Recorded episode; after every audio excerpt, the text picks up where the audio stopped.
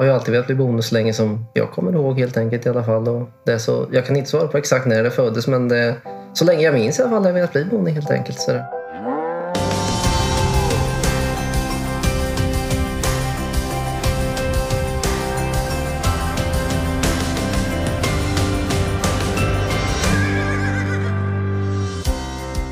Hälften av alla lantbrukare är idag över 60 år. Så 24-årige Oliver Sandström går verkligen mot strömmen. Han drömde redan på förskolan om att bli bonde. I Lantbrukspoddens nya serie får du möta Oliver och andra unga i lantbruket och lyssna på deras drömmar, verklighet och utmaningar.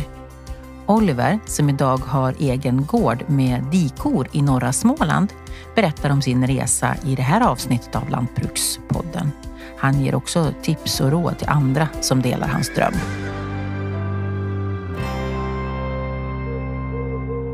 Nu sitter vi i matrummet på Baggemåla gård som ligger ungefär en mil utanför Vimmerby.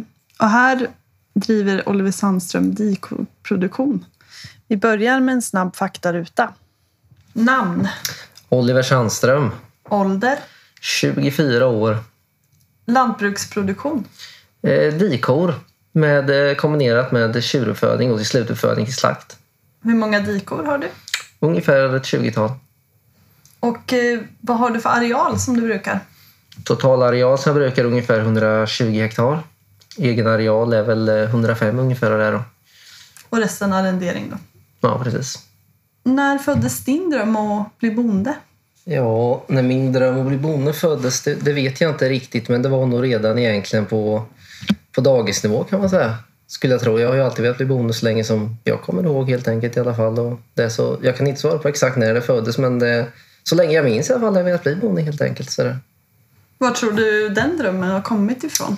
Jag vet inte riktigt egentligen var drömmen att bli bonde kommer ifrån sådär. Men eh, det har ju alltid varit eh, intressant med lantbruk och lite fascinerande och sådär. Hålla på med djur och hela den biten och det. Så det är alltid något som har liksom dragit, vad man ska säga. Är det något ni, du har i familjen, lantbruket? Nej, det skulle jag väl egentligen inte säga att jag har. Utan mina föräldrar jobbar ju egentligen inte med något i närheten av vad jag gör idag. Så att säga. Så det, jag skulle säga att det är ganska långt ifrån. Så nej, det, det, det har jag inte. Berätta, hur har din väg sett ut till att stå som bonde idag? Ja, min väg till att bli bonde den kan man säga har varit ganska så krokig och slingrig kanske. Det började ju inte med att jag blev bonde direkt så att säga utan det, jag började ju som entreprenör egentligen och startade entreprenadföretag. Eh, och ja, på den vägen har det varit lite. Man har hållit på med entreprenader en biten och sen har man börjat då med lantbruksentreprenad och också kompletterat och sådana saker. Och, ja, sen har man helt enkelt hamnat här när man då lyckades hitta gård och sådana saker. Och det var väl egentligen det som var begränsningen för att kunna börja. Utan man kan ju inte vara bonde utan att ha en gård lite. Så är det ju faktiskt. Det, det är ganska svårt i alla fall ska jag säga. Men du började med entreprenadföretag redan på gymnasiet när du gick naturbruksgymnasium. Mm, precis, när jag gick eh, lantbruk entreprenad hette det. Jag gick då kombinerat med lantbruk och sen entreprenadlinjen. Då, så det, det var då jag började som eh, enskild firma med det och eh, sen så gjorde jag om det till ett AB lite senare där då. Så på den vägen är det helt enkelt. Är det det som har möjliggjort att du sen kunde köpa en gård?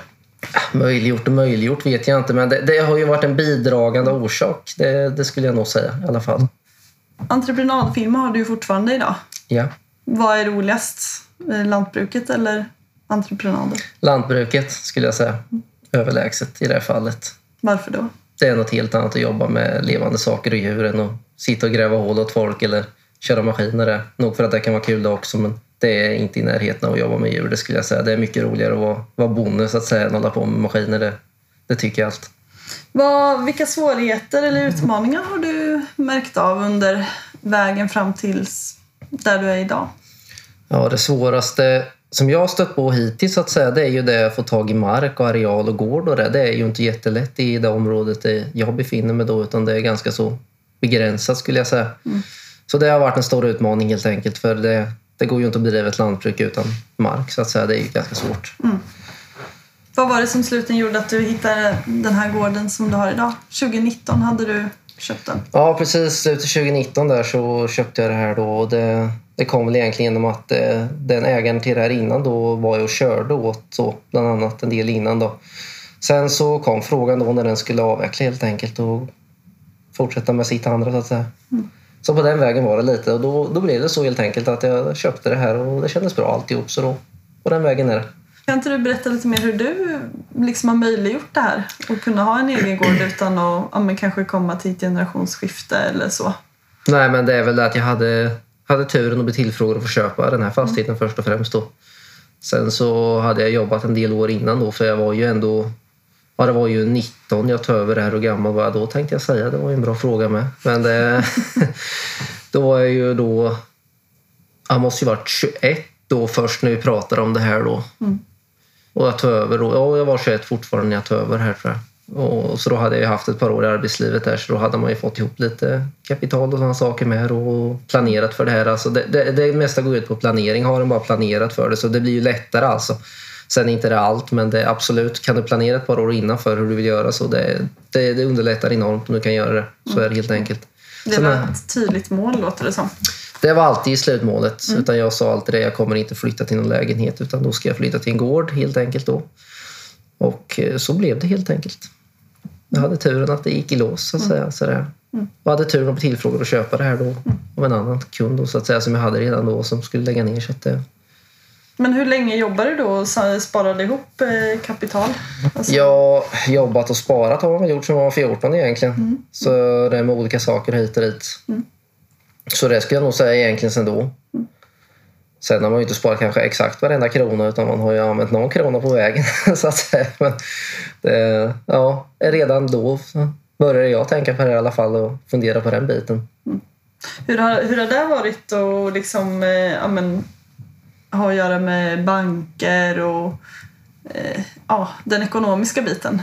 Hur, har det varit eh, jobbigt att hålla på med det eller hur, hur tänker du kring det?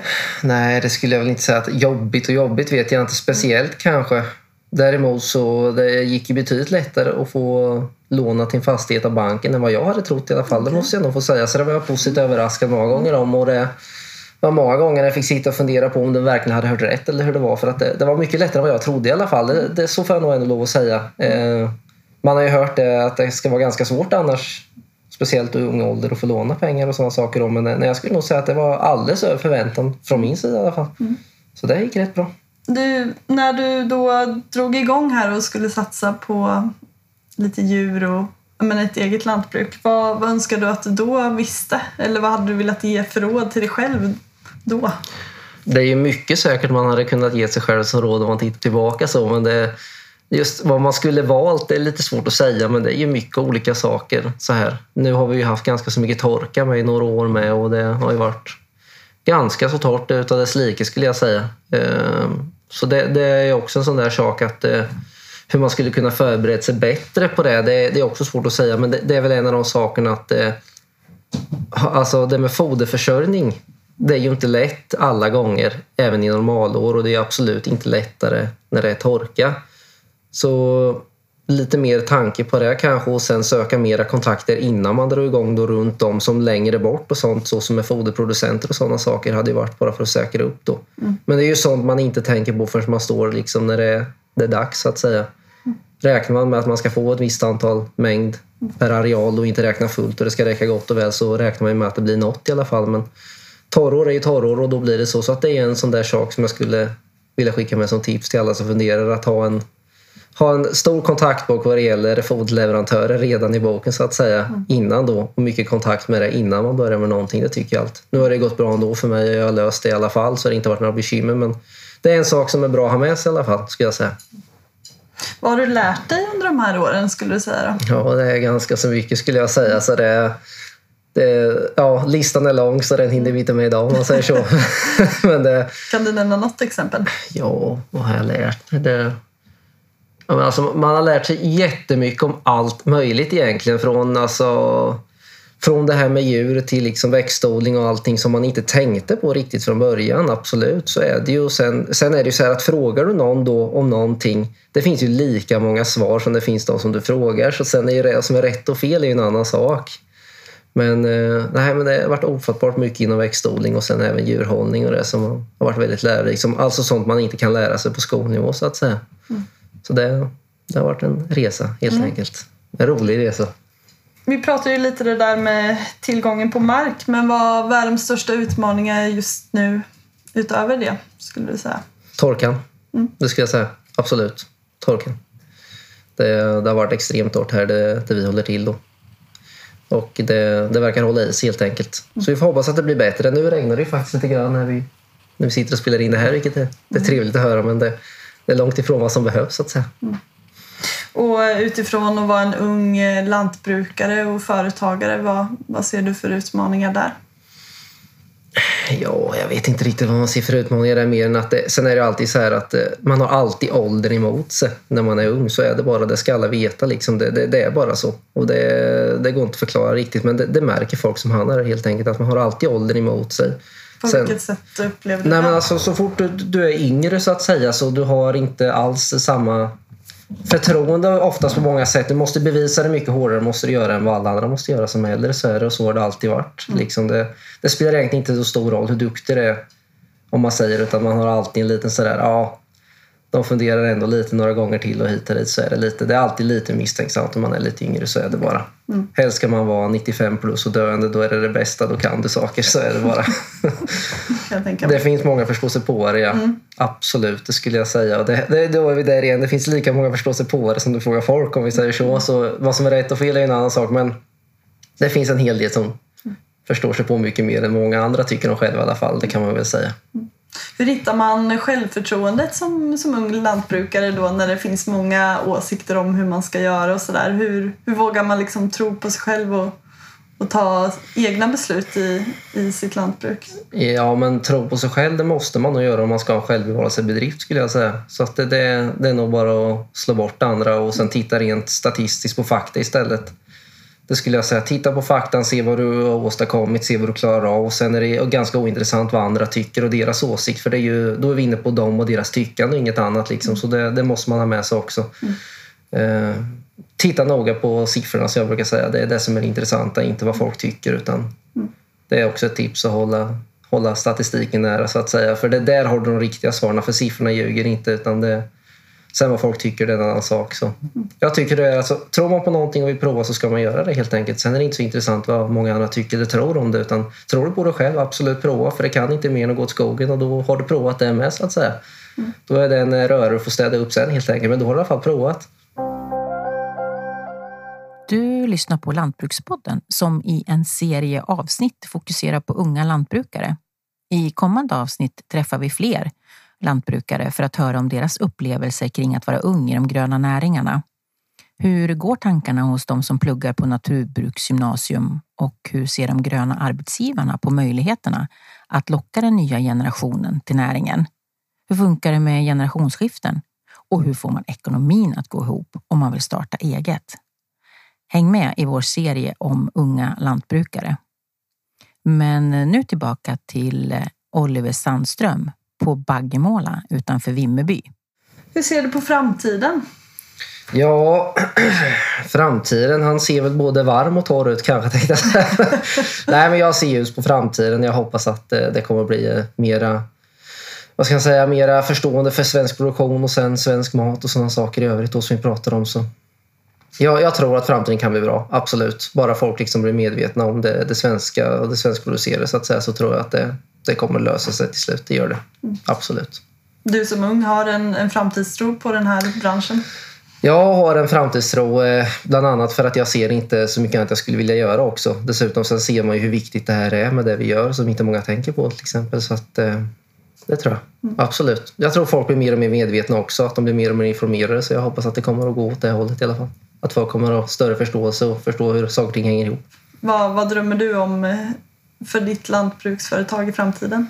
Det är ganska svårt att säga vad jag drömmer om så, för jag drömmer inte så mycket. Eller vad man ska säga. Men det, nej, jag vet inte riktigt. I alla fall hålla det på den nivån jag har, kanske utöka en viss del så att säga. Men jag har inte vågat drömma riktigt så långt än eftersom jag har min entreprenad också vid sidan av. Så det är ju ett tvådelat företag kan man ju säga. Då. Jag har ju både det här och sen entreprenadverksamheten. Så att, eh, just drömmar och visioner i den biten, det är i alla fall att jag ska kunna hålla det på den nivån jag har idag, kanske något mer. Men alltså, jag har inte tänkt mycket mer på den så mm. hittills. Så, att säga. så det, det får bli en fråga till mm. senare avsnitt i så fall. Vad skulle du ge för eh, råd till andra unga personer som, som kanske precis som du, när du var ja, 17-18 år, drömde om att ha en egen gård och inte kommer från en lantbruksfamilj då, till exempel? Ja, jag vet inte riktigt men det är väl egentligen börja med att sätta upp tydliga mål vart du vill vara om fem år till exempel. Sådana där saker. Va? Och sen jobba emot de målen helt enkelt. Mm. Det skulle jag nog säga. Man, alltså man måste sätta sig in i situationen och fundera ganska så mycket också. Det är inte bara att göra utan man ska tänka igenom saker ganska så ordentligt också. Hur vill jag ha det? Vad, vad kan jag tänka mig? Vad kan vara möjligt? Hela den biten. Va? Och sen sätta upp tydliga mål så att säga. Och jobbar man mot det så blir det, jag skulle säga att det blir betydligt enklare. kanske inte är allt som behövs. Det kanske behövs mer än så så att säga. Men det, det, det är en bra hjälp på vägen i alla fall. Det skulle jag nog säga. Tänk planera i tid. Det, det är det absolut bästa jag kan ge. Planera i god tid. Med de avslutande orden från den unga lantbrukaren Oliver Sandström så avrundar vi det här första avsnittet i vår serie om unga lantbrukare. Håll utkik i din poddspelare och i Land Lantbruks tidning när nästa avsnitt kommer ut. Lantbrukspodden tackar Oliver Sandström för hans medverkan i det här avsnittet. Sofie Olsson har intervjuat, Sam Segerblom har klippt avsnittet och jag som har producerat heter Maria Gramer. Har du synpunkter eller förslag på ämnen och gäster till podden? Mejla oss på lantbrukspodden landlantbruk.se. Lantbrukspodden görs av Land Lantbruksredaktion som är en del av LRF Media.